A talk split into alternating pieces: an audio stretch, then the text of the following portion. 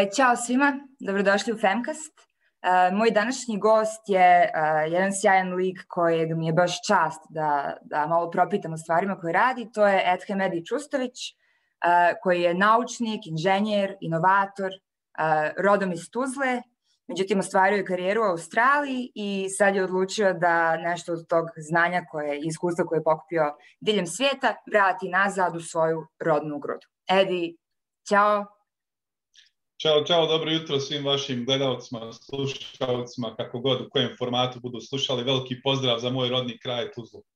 I gledateljicama i slušateljicama, to uvijek naglašavam, taj gender sensitive. Uh, dobrodošao u Femcast i hvala ti puno na izvednom vremenu. Uh, ti si osnivač i predsjednik, ili kako se već to zove, nije ni bitno, BH Fondacije budućnosti, to jeste BH Futures Foundation, jednog novog, da tako kažem, hibridnog oblika obrazovanja, koji je po meni pionir u revoluciji obrazovanja u Bosni i Hercegovini uh, i određenim promjenama koje su nužno potrebne. E sad, kao što sam ti ovaj, već najavila, idemo sa pretpostavkom da ljudi koji ovo slušaju gledaju pojma nemaju što je BH Fundacija budućnosti, pa malo nas samo uputi.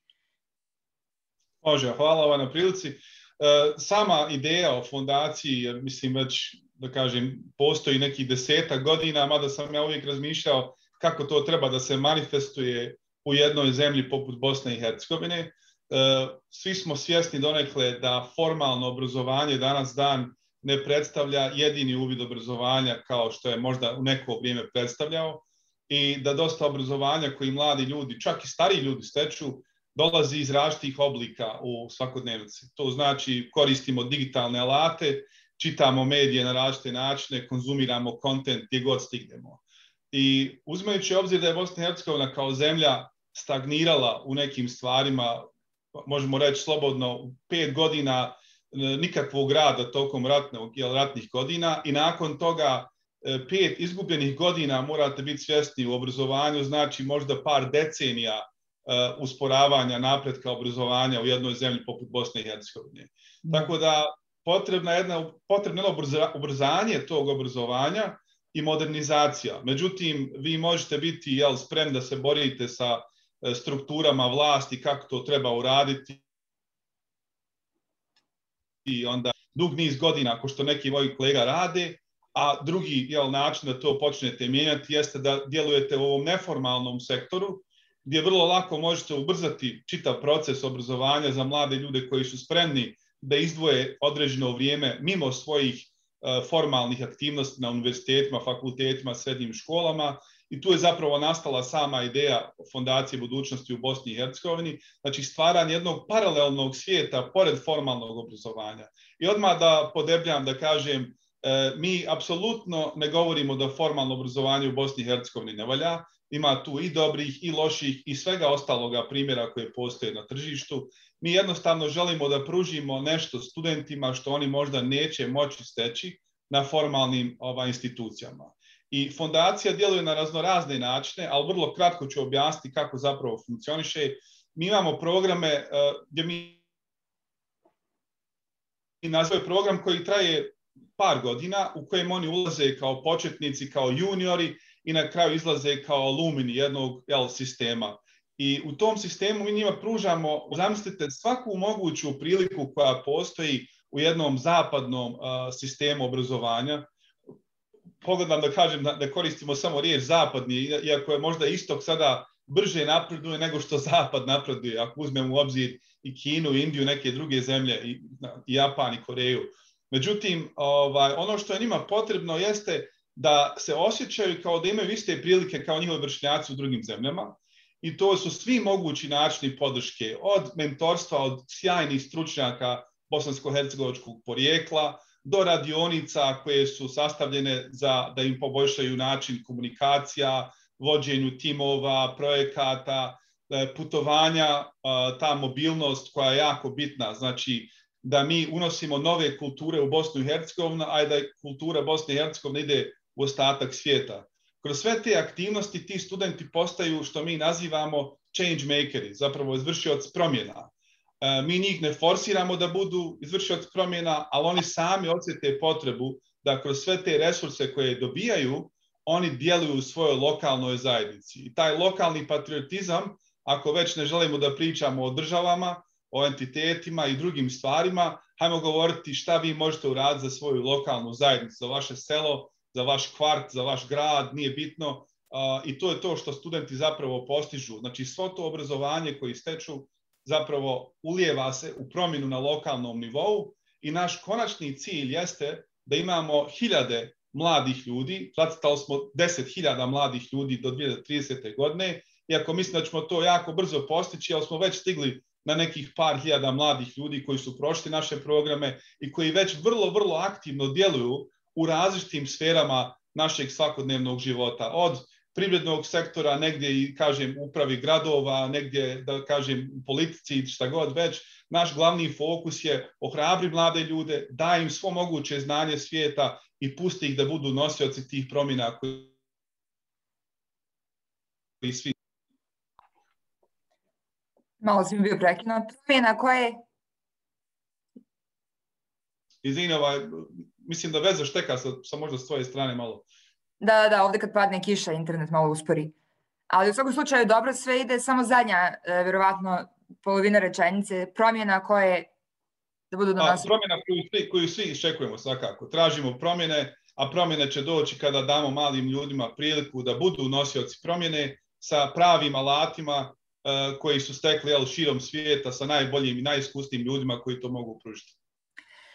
Koncept BH Fondacije budućnosti, ako sam ja dobro shvatila, je donekle i povezati BH dijasporu i sa studentima u Bosni i Hercegovini, iako naravno uključeni su tu ljudi koji su dalje u BiH i regiji. Međutim, taj moment povezivanja stručnjaka za koje možda mi koji živimo u Bosni i Hercegovini više ne znamo da, da su iz Bosne i Hercegovine da postoje. I šta ti, kako ti vidiš ulogu dijaspore u izgradnju budućnosti Bosne i Hercegovine? Pa ja volim da podlačim neke paralele između jel, kako djeluje dijaspora prema Bosni i Hercegovini.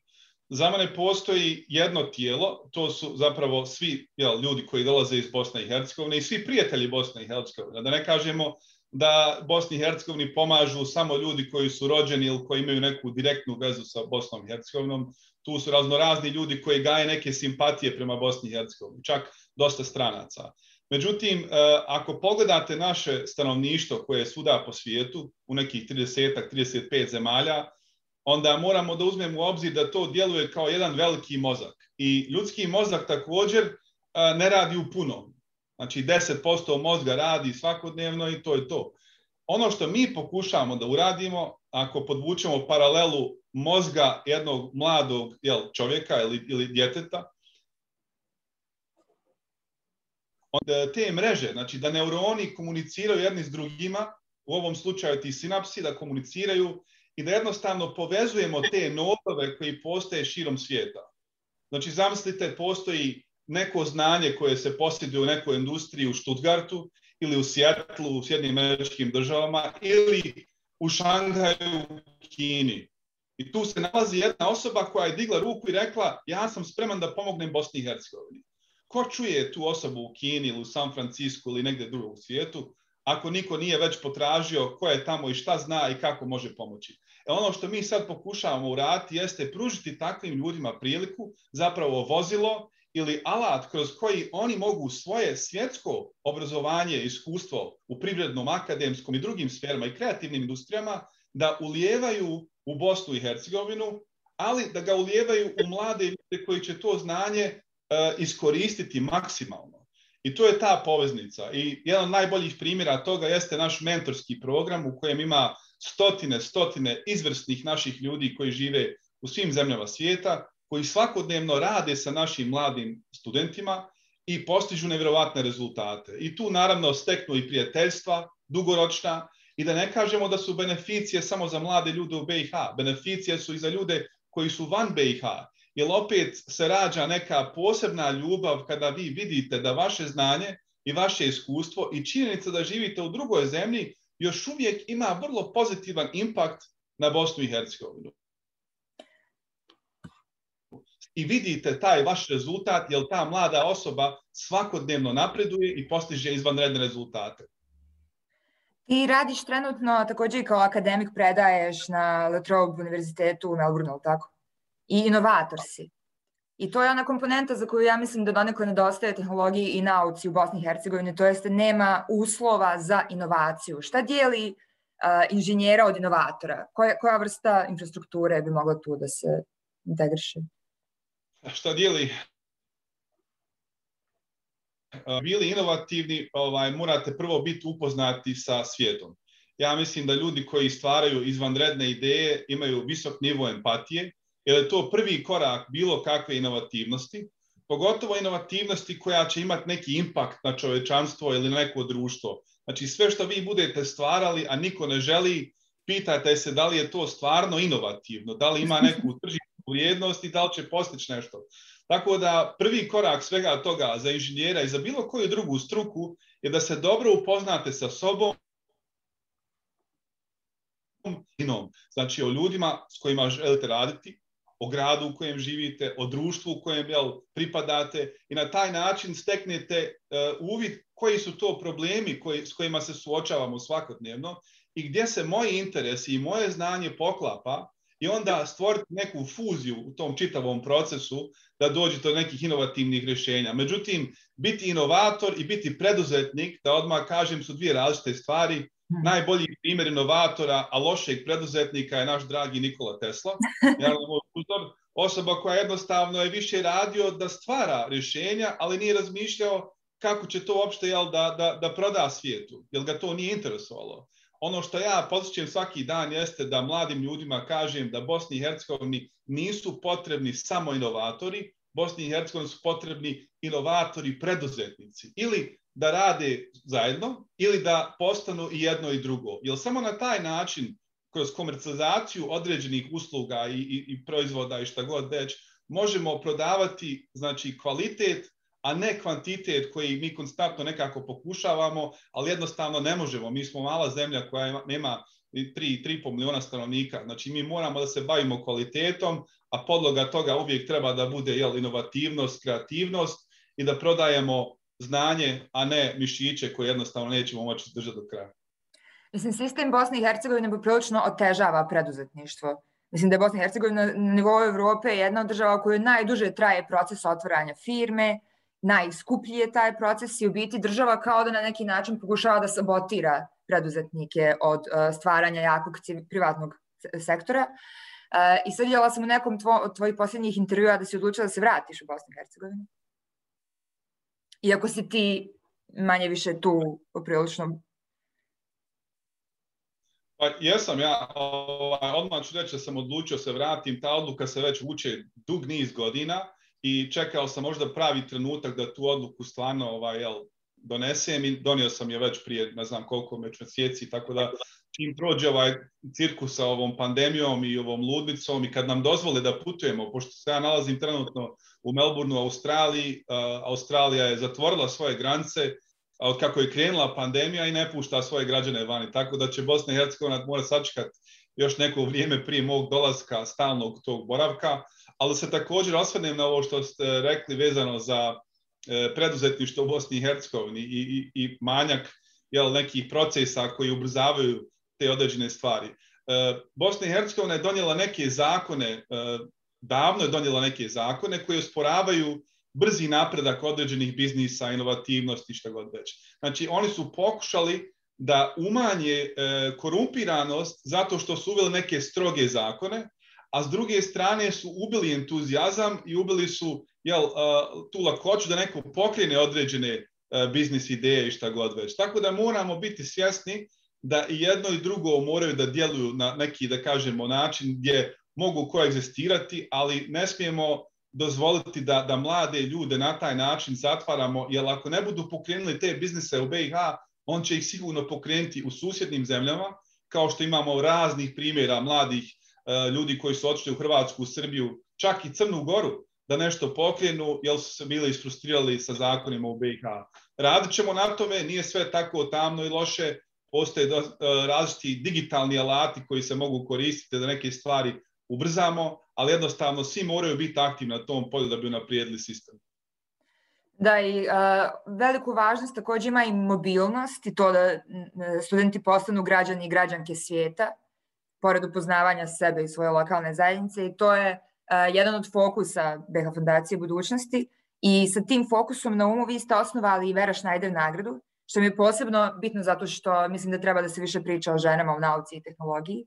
Ona je bila pionirka, bila je jedna od prvih naučnica u BiH, bila je prva dekanesa matematičkog fakulteta, to jest filozofskog i tako dalje. Bila je jako bitna za, za nauku i tehnologiju, a bila je žena kada ženama nije bilo dozvoljeno da se malo ne obrazuju, ono, čak na nivou Jugoslavije, jedna od pionirki. Pa evo reci nam nešto malo više o toj nagradi. Uh, I isto tako poznaje nas sa likom i djelom Verje Schneider. Mislim da je jako bitno da to, da to ljudi saznaju. A, apsolutno. Ovaj, mobilnost je apsolutno ključna stvar da bi se Bosna i Hercegovina unaprijedila što tiče kulture i načina djelovanja, upoznavanja e, sa boljim i sa lošim. Jer ne možemo znati, ja se vrlo često malo isfrustiram i naljutim na ljude kada kažu ovo je najbolja zemlja na svijetu, ovo je najljepši e, dio zemlje na svijetu, šta god već. Znači, svi smo mi emotivno vezani za Bosnu i Hercegovinu i patriotski orijentisani i sve to stoji. Međutim, ne možemo biti objektivni u toj situaciji, reći ovo je najbolje ako nismo otišli i vidjeli, iskusili i upoznali se sa drugim kulturama. Znači, postoji nešto lijepo i napredno u svakoj zemlji svijeta i što više putujete, više upoznajete koliko ima razlika, a koliko imamo i zajedničkih stvari kao ljudi. I zato mi jako puno forsiramo tu stvar da naši studenti putuju, da vide, da upoznaju i na kraju vraćaju ono najbolje u Bosnu i Hercegovinu. Jer to je način odpriđenja jedne zemlje i možemo reći da zemlje najuspješnije u svijetu, većina njih ima ogroman tok različitih ljudi koji dolaze i odlaze. I na taj način dovode nove ideje i unapređuju svoju ekonomiju, svoj sistem obrazovanja i politiku i sve ostalo. A da se vratim na vaše drugo, drugo pitanje, to je vezano od Vera Schneider. Znači, zašto, zašto je Vera Schneider možda neki simbol i mobilnosti i nauke i prodora i, i jedne žene koja je u svoje vrijeme zaista uradila nešto što je bilo vrlo, vrlo teško, da kažem umalo nemoguće, e, ne u Bosni i Hercegovini, u bivšoj Jugoslaviji, već u svijetu. Dosta ljudi nije upoznato sa činjenicom da u većini zemalja svijeta žene nisu imali pravo glasa do, do tako da na to. Znači, jedna napredna zemlja, Australija, ovaj, prije tek možda nekih 60-70 godina uvelo pravo glasanja za žene. Novi Zeland je bio prvi u svijetu. Mnogi ljudi to ne poznaju. Ali obrazovanje za jednu ženu u to vrijeme, gdje su žene stvarno bile u nekim ulogama majka, žena, ostani kod kuće, nemoj ići u školu, nemoj raditi. Takva je bilo, tako je bilo društvo. Vera ipak u to vrijeme, uz sve te, da kažemo, naše tradicije i sve to što nam je govorilo da to je nemoguće, odlučila da svih tih njenih, da kažemo, jel, prepreka je uspjela da, da se obrazuje, uspjela je da dobije stipendiju, ali je bila izvrsna matematičarka, dobila je stipendiju da ode u inostranstvo, u Francusku, da radi sa najsavremenijim labom u to vrijeme, da radi sa izvanrednim stručnjacima i moram navesti da je bila jedina žena u tom labu i to, to možete vidjeti kroz razne slike ovaj, na našoj web stranci posvećene toj nagradi i životu Vere Schneider.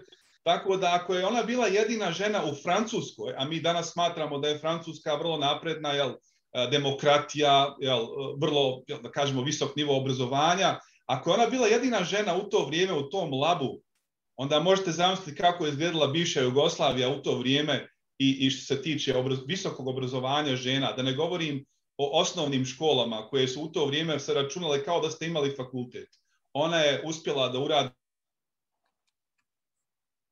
različita klasa i činjenica da je ponuđen stalni posao, ponuđene su joj razne pozicije da ostane u Francuskoj, ona je ipak odlučila se vrati u Jugoslaviju, u Bosnu i Hercegovinu, jer je imala želju da otvori vrata drugima. I mislim da je to nešto što se u, u životu Vere Schneider može primijetiti, da je ona konstantno, iako je bila izvrsan uh, matematičar i menadžer i, i, i mentor i savjetnik i sve ostalo, ona je zapravo bila osoba koja je otvarala vrata prilika drugim ljudima. Ne samo ženama, ali i ženama, ali i, i, i muškarcima. Znači, ostvarala je prilike da oni idu u ostatak svijeta, da se takmiče i da se obrazuju u najboljim institucijama.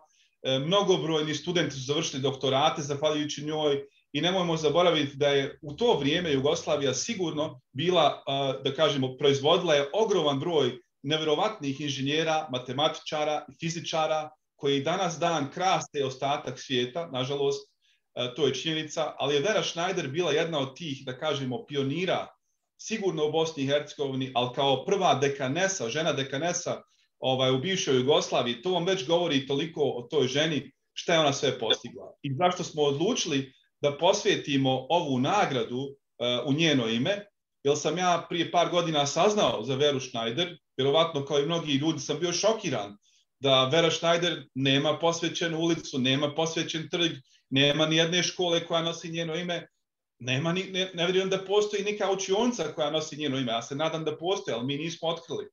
I to je vrlo žalostno. Znači, to je za mene bilo šok, to je za mene žalostno, jer to je žena koja je pionir jednog, jedne branše obrazovanja, e, osnaživanja žena u Bosni i Hercegovini i u bivšoj Jugoslaviji. I u tom trenutku sam odlučio da malo dublje iskopam te podatke. Došao sam do kontakta sa profesorom Draganom Butererom. To je zapravo unuk e, Vere Schneider, koji danas dan živi i radi u Michiganu, u Sjedinjim američkim državama. Profesor je e, kozmologije, zapravo fizičar, stručnjak koji istražuje svemir i poslao sam mu e-mail ne uzimajući obzir da li će on uopšte da odgovori ili ne. Rekao sam, ako odgovori dobro, ako ne, kome šta, idemo dalje. I za moju sreću on je odgovorio i to je bio vrlo entuzijastičan. Oduševio se da je dobio takav e-mail od jedne osobe koja apsolutno nema nikakve veze sa njegovom bakom, ali odlučio da posveti jedan dio svog uh, jel, života i resursa, da se ime te žene ipak uh, pročuje, da se ljudi jel, upoznaju sa njenim dijelom i tu je krenuo čitav projekat. Vrlo brzo smo sastavili čitavu komisiju, sastavili smo čitav tim koji radi na tome i mogu reći da ovog ljeta u Mostaru, znači 20 i, ako se ne varam, 24. juna, petak, ćemo predstaviti prvu nagradu Vera Schneider, koja je posvećena mladoj naučnici, zapravo studentici, e, bachelor, master ili PhD studija, doktorskih studija u Bosni i Hercegovini, u iznosu od 5000 konvertibilnih maraka koje su namjenjene da omoguće toj studentici da putuje na bilo koju konferenciju u svijetu, svjetske klase, gdje može ili predstaviti neki svoj rad ili čisto doći da nešto novo nauči, da upozna nove ljude, da ostvari nove kontakte i da im ne bude to nedostupno da jedna mlada djevojka iz Bosne i Hercegovine ne može otići tamo gdje treba da ode. A to je sve zahvaljujući prvim stopama koje je Vera Schneider zapravo napravila, ona je otišla u taj bijeli svijet. U to vrijeme je Francuska bila za putovanje kao da ste putovali u Sjedinje američke države danas avionom. To je neka daljina koja je u to vrijeme bila prilično velika. Ali omogućuje imati jedno mlado djevojci da to uradi danas dan, jer tek prvi korak, ili želimo da osnažimo mlade djevojke da razmišljaju o nauci, da razmišljaju o tim putevima koji ih mogu dovesti do samog trona određenih oblasti. I to je ono što, što mi želimo stvarno da podržavamo. Ovo je tek početak i nadam se da ćemo u budućnosti imati više nagrada poput ove od Vere Schneider da omogućimo drugim ljudima da stvarno postignu ono što možda ne mogu sa svojim vrlo skromnim prihodima. Samo da preciziramo, konkurs za Vera Schneider nagradu je otvoren za studentice prirodnih i tehničkih fakulteta, ali tako? I one Absolutno. mogu same da odaberu na koju konferenciju, seminar, bilo gdje na svijetu žele da odu? Apsolutno, znači njihov je izbor, one mogu da biraju bilo koju konferenciju, najbitnije je da a, imaju to ograničenje, znači mo mogu potrošiti do 5000 konvertibilnih maraka, naravno ako ne iskoriste 5000 nikome ništa, ali to im je ta limitacija. Međutim, mi smo već to izračunali da sa 5000 km vi možete stvarno otići na bilo koju konferenciju, naravno nećete možda biti u nekom luksuznom hotelu od pet zvjezdica, ali ćete sigurno moći da odete, da budete tamo od određeno vrijeme i da se vratite. I sve to mi zahtjevamo da ta studentica u povratku uh, posvijeti određen dio svog vremena, da prenese ta svoja iskustva od samog putovanja do upoznavanja, do onih stvari što je naučila na konferenciji, svojoj lokalnoj zajednici ili nekom društvu, jer na taj način omogućavamo da jedna osoba, jer ne možemo svima omogućiti, ali da jedna osoba barem dijelimično prenese neka iskustva, pa u nada će to nekoga drugoga jel, motivisati da radi na jedan određen način. To je naša neka želja. Ja ću linkovati sve detalje u vezi prijave za nagradu uh, ispod ovog podcasta. Međutim, evo da i ovde kažemo, znači do kraja mjeseca je otvoren konkurs i kako izgleda otprilike aplikacija? Aplikacija je vrlo, vrlo jednostavna, znači kao i sve ostale aplikacije traži određene jel, podatke o vama. E, ono što jeste e, vrlo bitno u aplikaciji jeste da vi morate navesti e, neku, da, da kažem, da stvorite neku simbiozu između priče Vere Schneider i vaše lične priče. Šta je to što vas je u, u priči Vere Schneider i tom njenom životu i djelovanju uh, integriralo i, i zašto vi želite da budete sledeća, kako mi nazivamo, Vera Schneider. U, tom, u toj aplikaciji vi također morate dokazati da ste društveno aktivni, jer želimo da nagradimo mlade ljude koji stvarno ne samo da idu na fakultet i studiraju, već su aktivni, pomažu u svojoj zajednici, da li to rade kroz neke vrste tutoringa, mentorstva, e, crveni križ, polumjesec, e, da čiste smeće u svojoj zajednici, nije bitno, ali želimo da vidimo mlade ljude koji brinu o drugima, kao što je Vera brinula o svojim studentima, o svojoj zajednici, o svom narodu, tako želimo da vidimo te iste karakteristike u sledećoj Veri Schneider. Uh, ovaj podcast se bavi primarno mapiranjem patrijarhata u BiH, ali i šire. I meni se čini kao da su zapravo nauka i tehnologija jedna od rijetkih branši u kojima patrijarhat malo manje zastupljen. To jeste, kvalitet je kvalitet i negdje se žene sve više osnažuju da, da uđu u te, u te uh, nauke i te poslove. Međutim, evo ti koji se malo bolje poznaješ u to, kakva je situacija za ženu koja odluče da se bavi inženjeringom, tehnologijom, Pa dosta, dosta, da, dosta varira od zemlje do zemlje. Znači, postoje zemlje u svijetu koje možemo reći da imaju ogroman broj žena u tehničkim i prirodnim naukama i neverovatno možda za neke ljude će biti iznenađenje da u zemljama koje možda ne smatramo da žene imaju e, taj nivo prava kao što recimo jel, muškarci imaju, a, da su žene tu mnogo više zastupljene u tim tehničkim prirodnim naukama. Na primjer, Iran. E, Iran ima ogroman broj žena u inženjeringu, e, Indonezija također ogroman i Malezija ogroman broj žena u inženjeringu, u matematici, u prirodnim naukama. Što zapravo mnogi ljudi su pisali o tom fenomenu, zašto to tako. E, nema nekog sad, kažem, konkretnog zaključka, ali mi je opet neka pozitivna vijest u tom smislu. Bosna i Hercegovina također, moram reći, i ovo mogu reći iz ličnog iskustva, zato što već evo, u zadnjih pet godina dovodim studente iz Australije sa svog univerziteta e, da, da, da borave, da kažemo, mjesec dana u Bosni i Hercegovini, gdje imaju stručni dio programa, upoznavaju se sa kulturom, imaju neke tehničke dijele programa i šta god već. Mnogi studenti iz Australije su šokirani koliki broj žena e, studira tehničke i prirodne nauke u Bosni i Hercegovini. Zato što to nije ta slika u Australiji. U Australiji imate vrlo, vrlo mali broj žena koji studira i koji se probija, da kažemo, do samog vrha u tim branšama koje sam sada naveo. Tako da Bosna i Hercegovina mora biti ponosna na tu činjenicu. Naravno, ne možemo biti zadovoljni, jer opet postoji, da kažemo, veliki razmak u uspjehu žena u tim branšama u Bosni i Hercegovini za razliku od muškaraca. Ali na tome treba svakodnevno raditi i treba pokazati kakav doprinos žene daju u tim određenim sektorima za razliku od muškaraca. Što kažu, diverzitet stvara uspjeh i to je dokazano u najuspješnijim firmama svijeta. Mi mora to da praktikujemo i mi to pokušavamo da praktikujemo da vodimo e, primjerom. Znači moramo biti primjer drugima i moramo to raditi svakodnevno. A to, to će se vremenom sve bolje i bolje ovaj, iskazivati, tako da Bosna i Hercegovina nije tako loša kao što bi neki možda predstavili, ali jednostavno moramo raditi mnogo više na tome i meni je zadovoljstvo da kažem da Fondacija budućnosti u Bosni i Hercegovini e, i te kako ima veliki, veliki dio, ova, da kažemo, naše i upravnog odbora i, i direktorica i, i da kažem stipendista i mentorica su žene. Čak evo na zadnjem takmičenju koje smo lansirali 3MT, 3 teza takmičenje, od 170 i nekih sudija, 105 su žene. I to nije zato što mi samo forsiramo žene, žene, žene, to je zato što vodimo dobrim primjerom. Imamo dobru praksu, imamo ljude koji stvarno brinu o tim stvarima, to se nekako prirodno gravitira ka tome, a uzeći u obzir da također mnogo BH žena jeste stvarno zastupljeno u tim tehničkim naukama, onda imamo da kažemo neku jel, prednost u tom smislu, ali stvarno brinemo o tome jel želimo da budemo primjer drugima kako se može i kako se treba raditi na jedan vrlo transparentan način. E, po nekim statistikama na fakultetima tehničkih nauka u Bosni i Hercegovini oko 25% žena, što je dosta dobro, s obzirom da, ne znam, u Sloveniji i u Evropi zna biti 5-10%.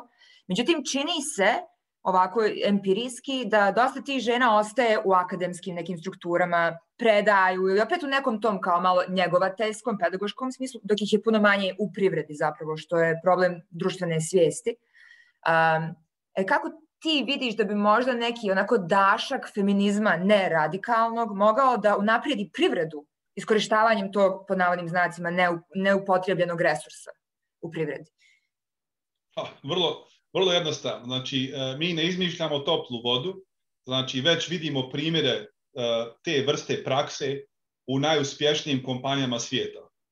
E, činjenica je da u najuspješnijim tim kompanijama svijeta, koje stvarno djeluju na globalnom nivou, imate jako veliki broj žena u samom što nazivaju C-level management, zapravo to je izvršni jel, ovaj, dio same organizacije, portfolija i šta god već. Znači mi mora samo da se ugledamo na takve firme i da se upitamo zašto. Znači ako već ne želimo, ako ne želimo da previše ispitujemo, jer mnogi ljudi kažu nemam ja vremena za to, zašto to ovako, zašto onako. Samo se ugledajmo na najbolje primjere i mi moramo biti svjesni da postoji neki razlog. Ako već nećemo dolazimo u dubinu toga, postoji razlog. Naveo sam granije za taj, taj diverzitet koji postoji u određenim firmama. Ne samo muškarci i žene, već različite etničnosti, različiti jezici koji ljudi postoju, različita životna iskustva. To stvara bogatstvo jedne firme. Znači, bogatstvo jedne zemlje jeste ta razlikost koja postoji u toj zemlji. A isto tako možete vidjeti i firmu. Znači, firma koja ima i žena i muškaraca koji rade na tom nivou, stvaraju mnogo, mnogo kompaktniju i, da kažem, e, mnogo pametniji način pristupanja poslovanju. Jer vi morate uzeti u obzir, firma proizvodi određene vrijednosti. Da li su to proizvodi ili usluge ili digitalne ili nešto drugo. Ko konzumira te stvari? Jel konzumiraju samo muškarci ili konzumiraju i žene i muškarci? Da li konzumiraju djeca, roditelji, djedovi, bake, nane, šta god? Znači, ako uzmate u obzir da služite tu klijentelu, onda ako je vaša klijentela, ajmo reći, proporcionalno 50% ženskog spola, onda kako vi možete imati najsavremeniji pogled na te klijente ako nemate žena u samom vrhu vaše organizacije. To mogu najjednostavniji način da objasnim ljudima koji se bave proizvodnjom. I to je nešto što je dokazano i kroz nauku i kroz mnogobrojne radove u svijetu, ali naravno dokazano je i u privrednom sektoru, u najuspješnijim, da kažemo, sektorima i organizacijama svijeta. Tako da preporučujem firmama u Bosni i Hercegovini da se počnu jel, više prilagođavati tim praksama, jer to može samo značiti da će napredovati kao firma, da će biti profitabilni, jer na kraju dana se nalažemo, sve te firme jel, ciljaju profitabilnost. I ako govorite o profitabilnosti, da će vam žene pomoći da budete profitabilni, mislim da ćemo promijeniti čitavu tu sliku, ok, koja je uloga žene u jednoj firmi, za razliku od onoga, pa ne treba mi, nije to kod nas praksa, ili jednostavno stvorite takvu kulturu da godinama imate većinom muškarca u firmi i onda ti muškarci prirodno selektuju sljedeću osobu kao muškarca, jer im je to nekako bliže i razumiju bolje. E to moramo, moramo se boriti protiv toga, da svima damo jednaku priliku i da žena koja ima, što, što se navela ranije, žena koja ima to znanje, ima to iskustvo, e, dobije istu priliku za tu poziciju kao što bi jel, muškarac dobio na toj poziciji. I to je nešto što se može uraditi u vrlo kratkom periodu. E, moramo nagrađivati firme, prepoznavati firme koje imaju dobru praksu. Ja jako puno cijenim ono što recimo pokušava da uradi UNDP u BiH zajedno sa određenim organizacijama e, gdje prepoznavaju žene u liderskim pozicijama. To što radi Radio Kamaleon sa festivalom gdje prepoznavaju žene koje su jako uspješne. To su sve najbolje prakse i mi ćemo sistematski polako usađivati znači, ljudima ideju uspjeh žena, a ne žena, majka, djeca. To je sve normalno, ali to je Bosni i nažalost, i u drugim zemljama koje su tog karaktera, jednostavno ostalo kulturološki i mi to polako moramo mijenjati kroz praksu i primjerima, najboljim primjerima, pričajmo o njima, predstavljamo ih i, i, i gurajmo ih gdje god možemo, jer samo tako ćemo raditi tu stigmu koja postoji. Da, sjajno. Mislim, to baš zvuči dobro i negdje ovaj, za mene lično jako uzbudljivo. Evo za kraj, posljednje pitanje koje postavljam jako puno svojih sugovornika i sugovornica, mislim da si ti savršena osoba, da mi odgovoriš na to pitanje, a to je ajde malo da spekuliramo koja je to savršena budućnost Bosne i Hercegovine po tebi i na kojim vrijednostima počiva ta budućnost. Bukvalno ajde da maštamo kako bi to izgledalo. Pa, za mene je savršena Bosna i Hercegovina e, država u kojoj pravo funkcioniše, znači to je prvo bitna stvar, e, da ta razlikost koja postoji se ne gleda kao nešto što je negativno, već nešto što nam daje određenu prednost. E, država koja je otvorena prema svijetu, a otvorena za bilo koga, jer moramo biti svjesni da mi moramo postati građani svijeta. Tako da je za mene Bosna i Hercegovina jedna prelijepa zemlja koja još nije sazrela u nekom smislu i nije još spremna da se otvori prema ostatku svijeta. I radimo na tome. Da budemo, jel, da dočekamo svaku osobu otvorenih ruku, a da isto tako respektujemo ono što imamo unutar zemlje. Jer mislim da mnogo više cijenimo ono vani nego ono što imamo unutra. Kada, onda ćemo isto tako biti otvoreni prema ostatku svijeta. To je neka moja vizija Bosne i Hercegovine, znači jednostavno da svi poštujemo jedni druge, da živimo u harmoniji, a da dozvoljavamo ostatku svijeta da uživa onom najljepšem i najboljem što mi možemo pružiti u svijetu i da stvarno počnemo napredovati ka jednom, kažem, globalnom društvu. A što misliš, koje vrijednosti nedostaju na nekom svakodnevnom ličnom nivou bosancima i hercegovicima? U nekom intervju se spomenuo nesebičnost i meni je to baš rezonovalo. Mislim da, mislim da to jeste jedna vrijednost koja nam fali. Pa da, mi, mi, dosta, mi dosta pričamo o nesebičnosti, mi dosta pričamo jel, o, o toj brizi kako brižemo, brinemo o drugim ljudima oko nas. Međutim, to nije baš tako u praksi. Mi još nemamo tu kulturu, da kažem, filantropije, na primjer. Filantropija je nešto što je za nas prilično nova stvar. Možda nešto najbliže filantropiji Bosni i Hercegovine su uh, za Osmansko carstvo vakufi, jel? Ljudi su ostavili vakufe, pa je to nešto održavalo. Ali princip da kad imam više nego što mi je potrebno, svakodnevno dajem, ne govorim sad samo o financijskim davanjima, već vremenu, e, pažnji, respektu, e, svim onim stvarima koje, koje, koje smo mi učili u svojoj kući, mi donekle zaboravimo kad izađemo iz kuće, što me jako frustrira. E, kako se ponaša naša Meksiko najljepša zemlja. Imamo najljepše planine, najljepše rijeke, najljepše, najljepša jezera. A kako se mi ponašamo prema tim, na našim, kažem, uh, prelijepim okolinama. Vrlo loše. Znači, ne brinemo o tim stvarima, ali ja stvarno ne vjerujem da je bilo ko od nas, možda postoje neki izuzec, ali većina ljudi u Bosni i Hercegovini u okruženju svog doma, sa svojim roditeljima, sa svojim djedovima, nanama i šta god već, je odrasla sa pravim vrijednostima.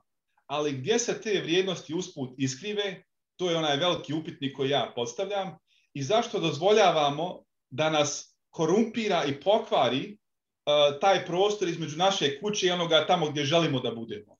E tu moramo dosta raditi na sebi i ne možemo kriviti druge, moramo kriviti sebe. Svako od nas mora snositi jedan dio odgovornosti kako se mi ponašamo prema drugima, prema oko, okolišu i prema, prema zemlji, znači prema državi, prema institucijama i sve to. Znači to je jako, jako bitna stvar, jer ono što smo primijetili, kada odemo u druge zemlje, koje mi smatramo organizovanim, da kažemo čistim, naprednim, mi se totalno drugačije ponašamo. Zašto? Znači, zašto mi ne možemo neke osnovne stvari koje praktikujemo vani, praktikovati svakodnevno u BiH? Ja mislim da je to